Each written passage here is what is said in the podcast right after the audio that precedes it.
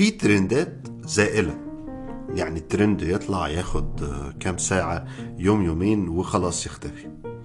وفي ترندات دائمة دائمة التكرار معانا. يعني الترند يطلع يقعد يومين ثلاثة يختفي وبعدين يرجع تاني وهكذا. دي دي ترندات بقى؟ حياتنا. من الترندات الدائمة معانا هو ترند آه العامية والفصحى.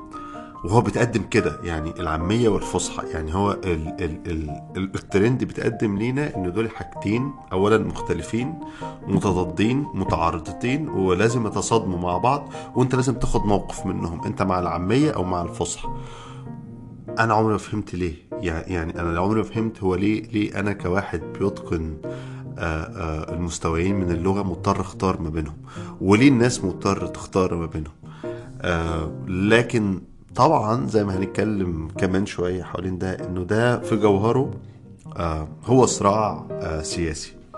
أنا مش ناوي أغرق بعمق في الموضوع بتاع العامية والفصحى ده بس آه، زي كل مرة كده بيظهر فيه على السطح النقاش بتاع العامية والفصحى ده آه، بيلفت انتباهي مجموعة من الأطروحات اللي قررت تخصيص الحلقة دي للرد آه، عليها. آه، تترا ترا أهلا بيكم في حلقة جديدة مع عشوائي مع أحمد فاصل ونواصل وسمعني صوت البقرة يا ابني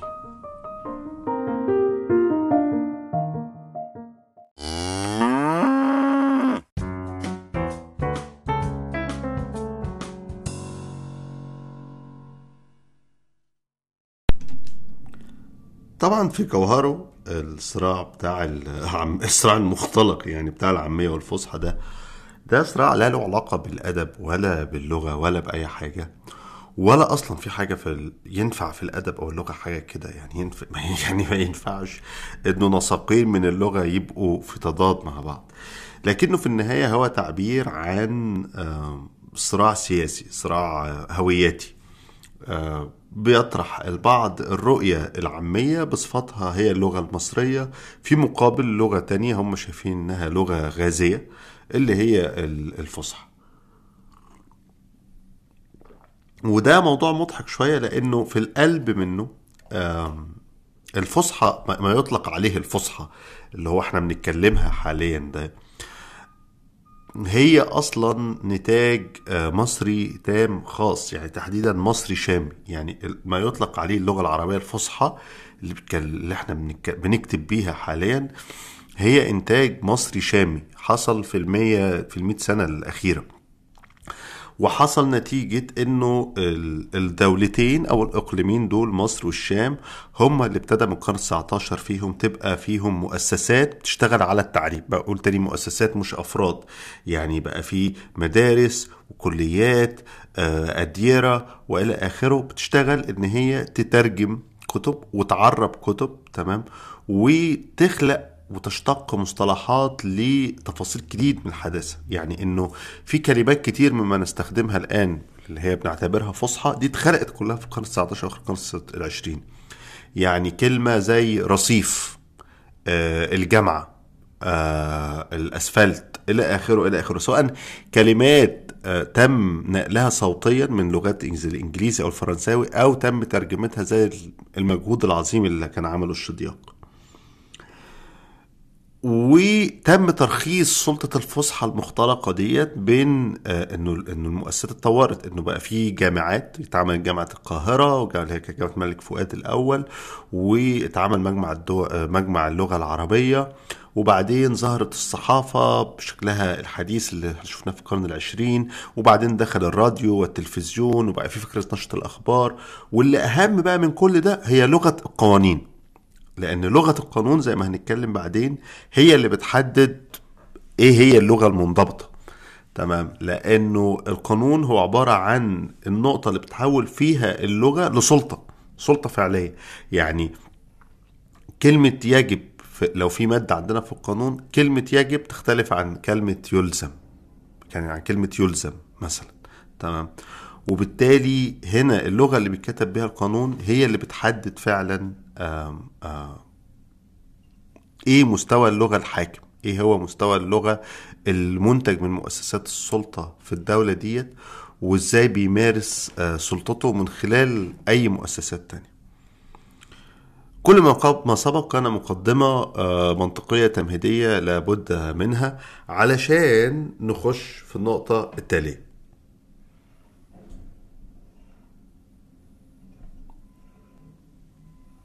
هو حديث عشوائي المرة دي. فأنا مثلا في في النقاش دايما بتاع العامية وال- والفصحى ده بيبهرني قوي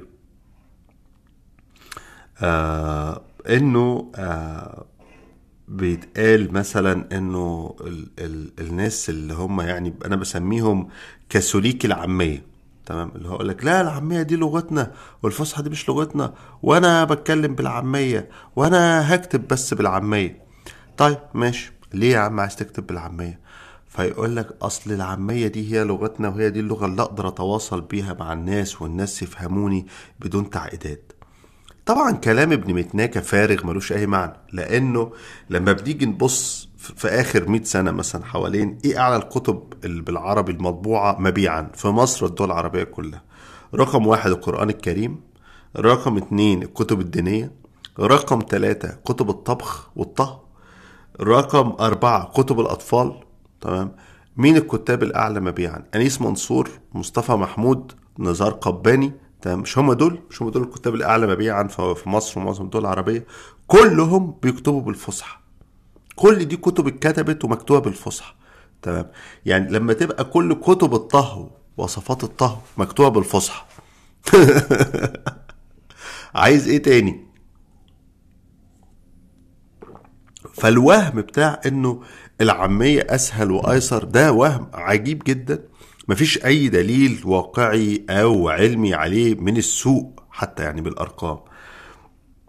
وأنا بشوف إنه الموضوع مش مسألة إنك تكتب بالعامية فهتبقى مفهوم أو تكتب بالفصحى ما أنت تكتب بالعامية وعامية زي الخرا يعني مثلا الروايات اللي اتكتبت بالعامية ها؟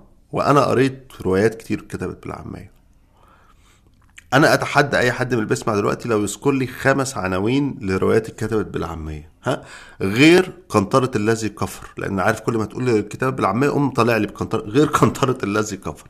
لو جدعان افتكروه ثلاث عناوين تاني مش هتلاقي مش هتفتكر. هم؟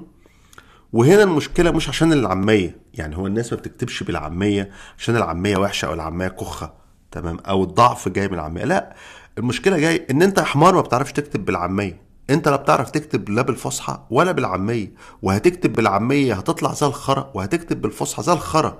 ما هو التصور التاني بتاع ما هو في كمان فكرة يعني كان في مقالة مكتوبة بالإنجليزي ها اتنشرت من من 3 4 شهور كده في موقع ما في أمريكي. فكان الراجل بيتكلم كاتب بالإنجليزي يقول لك أصل أنا بتكلم بالعامية هو كان لبناني كان بتكلم بالعامية لكن مش دي اللغة اللي بقرأ وبكتب بيها وأنا ما بعرفش أكتب بالفصحى ما هو يا بني آدم أنت لا بتعرف تقرأ بالفصحى ولا هتعرف تقرأ بالعامية. وأنت لا بتعرف تكتب بالفصحى ولا بتعرف تكتب بالعامية. وال... وال... وال... والمشكلة فعلا مش إنه هكتب بالعامية بس هكتب بالفصحى المشكلة إن أنت جاهل. يعني المشكلة إنه ناس لا بتقرأ بالعربي ها ولا مهتمية ولا بتحترم الثقافة دي ها ولا مهتمية باستكشاف تاريخها ولا أبعادها ومصرة إن هي تفرض تصورات وأحكام مسبقة تمام؟ فبتطلع النتيجة زي الخرا تمام؟ مش بس زي الخرا ده في مشكلة مشكلة جوهرية جدا في العامية دي وهي إنه إزاي ما يطلق عليه مثلا العامية المصرية هي عامية قاهرية تم فرضها على بقية الأقاليم. فأنت لما بتروح تقرأ لكتاب العامية بجد أو شعراء العامية تمام؟ فبتحس إنك بتقرأ الغاز. يعني أنا لما باجي أقرأ عبد الرحمن الأبنودي بالذات شغله القديم اللي هو قبل الموت على الأسفلت اللي هو في الشغل الحديث اللي هو بدايه في الثمانينات كده هو نفسه العامية بتاعت الأبنودي اتغيرت بقت عامية مدينة. هم؟ قبل كده كانت عامية يعني إيه مخرقه في محلياتها وفي لهجة أبنود. أنا لما باجي أقرأ الشغل ده أنا ما أي حاجة. يعني يعني بحس إن أنا بقرأ الغاز. قصادي. تمام. مش بس ما فهمش أي حاجة ده أنا ما عنديش مرجع أروح أدور فيه على معنى اللي أنا بقراه. يعني هو بيستخدم كلمة أو تعبير كان معروف في أبنود آه، آه، في الستينات. أنا ما عنديش قاموس أروح أفتحه أشوف التعبير ده أو الكلمة دي معناها إيه. بل أنا لو نزلت مصر وركبت القطر ورحت أبنود وسألت عن التعبير ده هم كمان ممكن ما يعرفوش هو كان يقصد إيه? أضف إلى كده بقى إيه؟ المشكلة الضخمة جدا بين عملية الإلقاء والكتابة. يعني إنك ممكن تسمع الابنودي تتكيف ها؟ لكن تقراه الواحد يكركر ضحك. يعني أنا كل الشو أنا أنا يعني مش عايز استفيض في هذا الموضوع. بس مثلا دي مشكله مشكلة ضخمة عندي مثلا مع شعر العاميه إنه فؤاد حداد وأبو الشعراء ومش عارف إيه. أنا بعرف فؤاد حداد يعني ما ما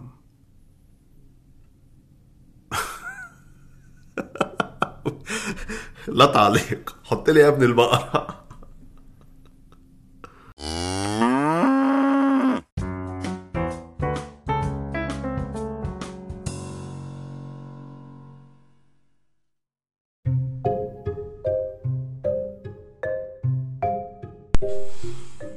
النقطة التانية برضو في موضوع الفصحى والعامية ده بما إن النقاش مفتوح آه، صديقي العزيز والمترجم والمحرر أمير زكي كان كاتب ستيتوس تعليقا على النقاش اللي شغال ده.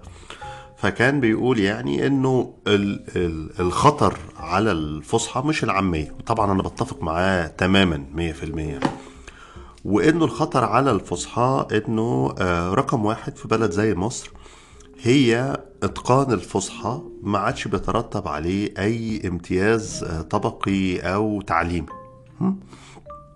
يعني زمان آه، دي اللغة وإتقانها كان مطلوب من المحامين الناس اللي بتشتغل في القوانين المسؤولين الحكوميين الكبار الأوفيشال يعني المسؤولين الرسميين آه، لو هتشتغل في الميديا أو الإعلام آم، آه، مجالات مجالات كتير جدا خصوصا اللي خاصة بالإدارة وإدارة الدولة والسياسة وإلى والقانون وإلى آخره. ده ما عادش الواقع ده ما عادش المشهد المعاصر بالعكس. إحنا شايفين يعني السيد رئيس الدولة بيتكلم لغة غير مفهومة لا هي عامية أصلا ولا فصحى. يعني إحنا بيتخلق لنا لغة تالتة. وإنه شايف أمير بس شايف إنه مش بس عشان الامتياز الطبقي إنه ما عادش فيه اهتمام من مؤسسات الدولة برعايتها يعني لا هي بقت لغة مطروقة أو بيتم التحدث بها في في في وسائل الإعلام المختلفة ولا في حرص حتى من المؤسسات الصحفية الكبيرة زي الأهرام أو الأخبار على دقتها وانضباطها وصحتها وإلى آخره. آه آه والوضع بتاع مجمع الدول العربية زي إحنا ما إحنا شايفينه يعني بقى حالة بيروقراطية جدا بيتلم فيها مجموعة من ال- الأساتذة اللي بي- يعني بيتناولوا أبحاثهم وشغلهم في دائرتهم المغلقة وخلص الموضوع على كده. وبيبدو فعلا لأي حد مصري يعني أو متابع للشأن المصري إنه إيه ده؟ دي الفصحى بتموت. و... وطبعا كلام صح. لكن في المقابل زي ما أنا قلت في الأول إنه ما نطلق عليه الفصحى إحنا بنتكلم على اللغة اللي اخترعها المصريين والشوام في القرن العشرين؟ اللي هي لغة الكتابة ولغة الأدب الحديث. أنا عندي نظرية إنه الفصحى دي فصحى المصريين والشوام هي اللي بتموت؟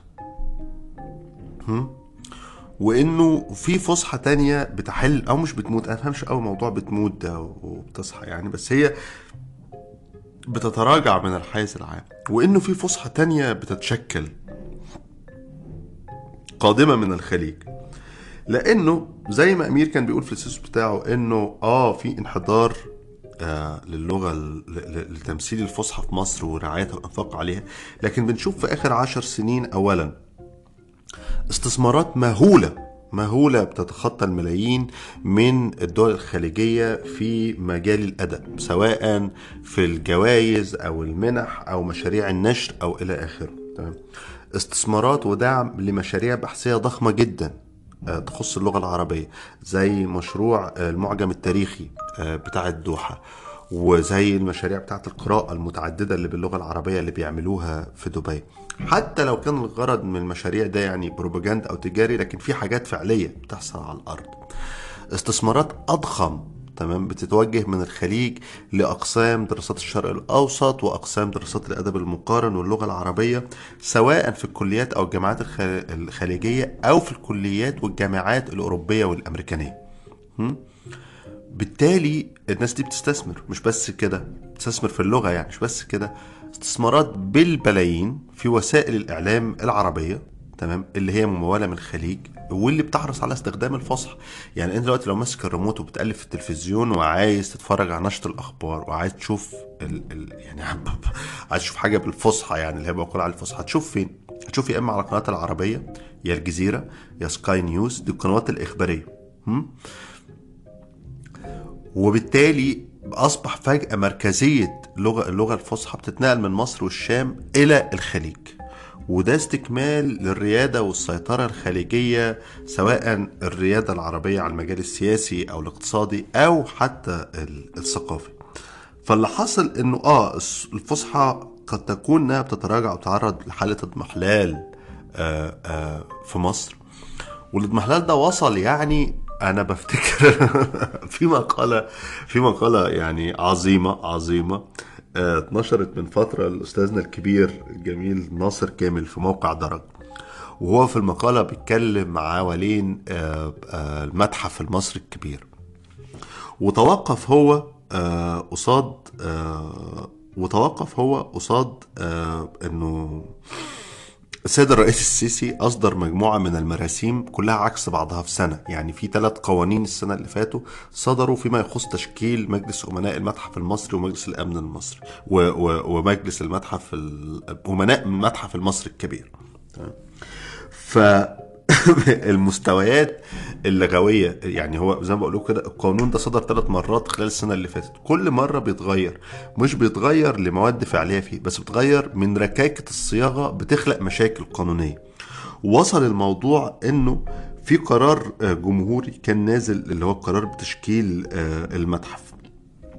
وأنا عايز أقرأها لكم بالطريقة اللي بلحظه واحدة بفتح المقال بتاع ناصر كامل. عشان اضحكوا قوي.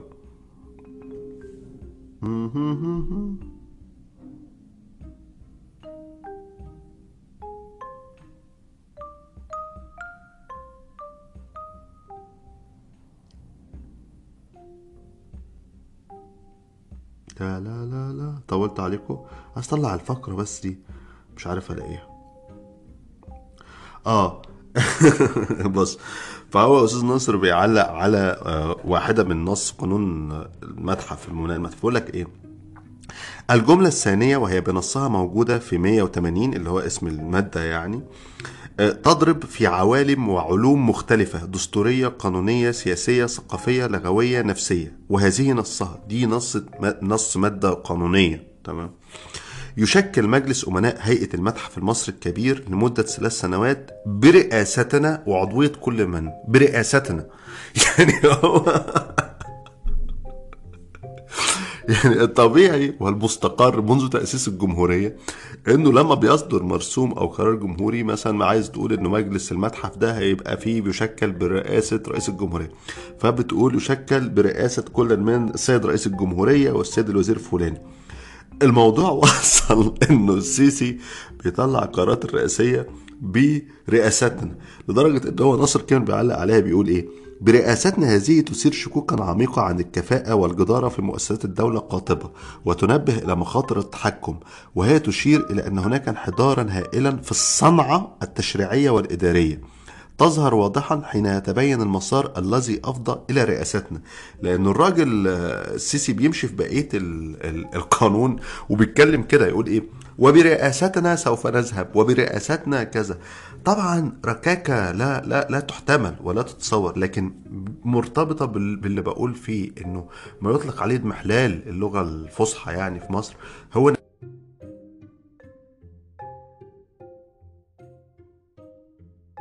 يعني. في حين إنه بوضوح شديد قوي شايفين الخليج استثمارات متزايدة متزايدة متزايدة. و وبتدي وبتدي يستخدموها كمان لأغراض سياسية واقتصادية واضحة جدا. يعني إحنا لما بندور مثلا حوالين إيه هي أكبر شبكة عربية إعلامية عربية دلوقتي بثها وإعلانها بيوصل من المغرب لحد البحرين؟ ام بي سي. والجزيرة. بس تحديدا ام بي سي كشبكة ترفيهية مش إعلانية والقنوات الرياضية. تمام. حتى في ام بي سي اللي هي قناة ترفيهية يعني الجزيرة ودي حاجة الناس مش ملاحظة الجزيرة بيتكلموا فصحى. تمام. بس حتى في ام بي سي اللي هي قناة ترفيهية ابتدى يتخلق لغة جديدة قوي لا هي فصحى ولا هي عامية.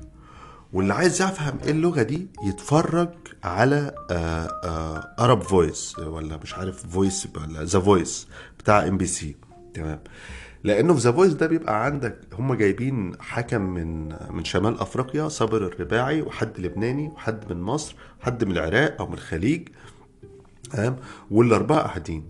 وبيحرصوا إنه يخلوا الأربعة يتكلموا بلهجاتهم المحلية لكنها لهجة محلية مخففة جدا تمام؟ ومن من خليط اللهجات المحلية العربية المخففة ديت بتتشكل لغة جديدة لا هي أنا شايف إن هي ما ينفعش تصنف قوي إنها عامية ولا فصحى. دي لغة جديدة لغة عربية. لغة عربية قادرة إن هي تخلق تواصل مع كل الناس اللي ساكنة من أول المغرب لحد البحرين. يعني إنه الناس لما هيطلع سابر الرباعي في فويس ويقول برشا صوته جميل تمام؟ أو استخدم كلمة محل كانت كلمة زي برشا دي قبل صابر الرباعي من 20 سنة لو كنت قلت لأحد حد في مصر برشا. ما كانش انت بتتكلم عن إيه؟ لو كنت قلت له وايد ما كانش هيفهم انت بتتكلم على إيه. لكن دلوقتي بسبب الميديا وبسبب الاستثمار الذكي جدا جدا الاستثمار الخليجي الذكي جدا جدا في مجال الإعلام تمام؟ بيتخلق قدامنا مستوى جديد متشفر كده من اللغة. وبنشوف قد إيه الناس في الخليج وفي الإمارات وفي السعودية باصين للمستقبل باصين للقدرة السياسية والاقتصادية المهولة والمختزنة داخل اللغة العربية بمستوياتها المختلفة سواء عامية أو فصحى وقادرين يستثمروا من ده ويطلعوا منه فلوس. لأن هو لما أنت تعمل شبكة قنوات تلفزيونية وإعلامية وقادرة إنها تنتج المزيج اللغوي ده تمام بناء عليه أنت هتبقى القناة الأكثر مشاهدة في المغرب. فبناء عليه هيبقى ليك نصيب الأسد من الإعلانات التلفزيونية والإذاعية في المغرب. وكذلك من كل دول شمال أفريقيا وكذلك من كل دول مصر فوصلت أنت لمرحلة المستوى إنه مش بس قنوات و... و... وإذاعات ام بي سي ديت هي الأكثر انتشارا في كل الدول العربية لكن كمان هي اللي قادرة تاكل النصيب الأكبر من كعكه الاعلانات م? كل ده بيعملوه ناس بتفكر في المستقبل بتفكر في اللغة بشكل برجماتي برجماتي وإحنا بقى في مصر قاعدين مع رئاساتنا بتاعت السيسي ومع الخناقات بتاعت إحنا لا هنكتب بالعامية عشان العامية ديت آه لغتنا. ما تكتب يا اخويا بأخر عامية ولا فصحى على عينك؟ ما انت لا عارف تكتب بالعامية ولا عارف تكتب بالفصحى وحاجة كفرته دين أم الواحد. آه آخر حاجة طبعا كالعادة بشكر كل الناس اللي بتسمعنا. بشكل خاص بشكر الداعمين على موقع أنكور وبشكر الداعمين على موقع باترون آه بين كروبر باللهجة التونسية فاطمة أمير آه شريف منصور آه عنكبوت آه علي وثلاثة آخرين مجهولين. آه وميري فؤاد. أنت كمان ممكن بالاشتراك بسيط شهري بسيط على موقع باترون تبقى من الداعمين للبودكاست وبتحصل على بعض الامتيازات زي الاستماع للحلقات قبل ما تنزل على بقية المنصات. وشكرا ليكم. وإذا لم تستطع فبلسانه ها؟ وإن لم يستطع فبإيه؟ فبلسانه. ترى ترى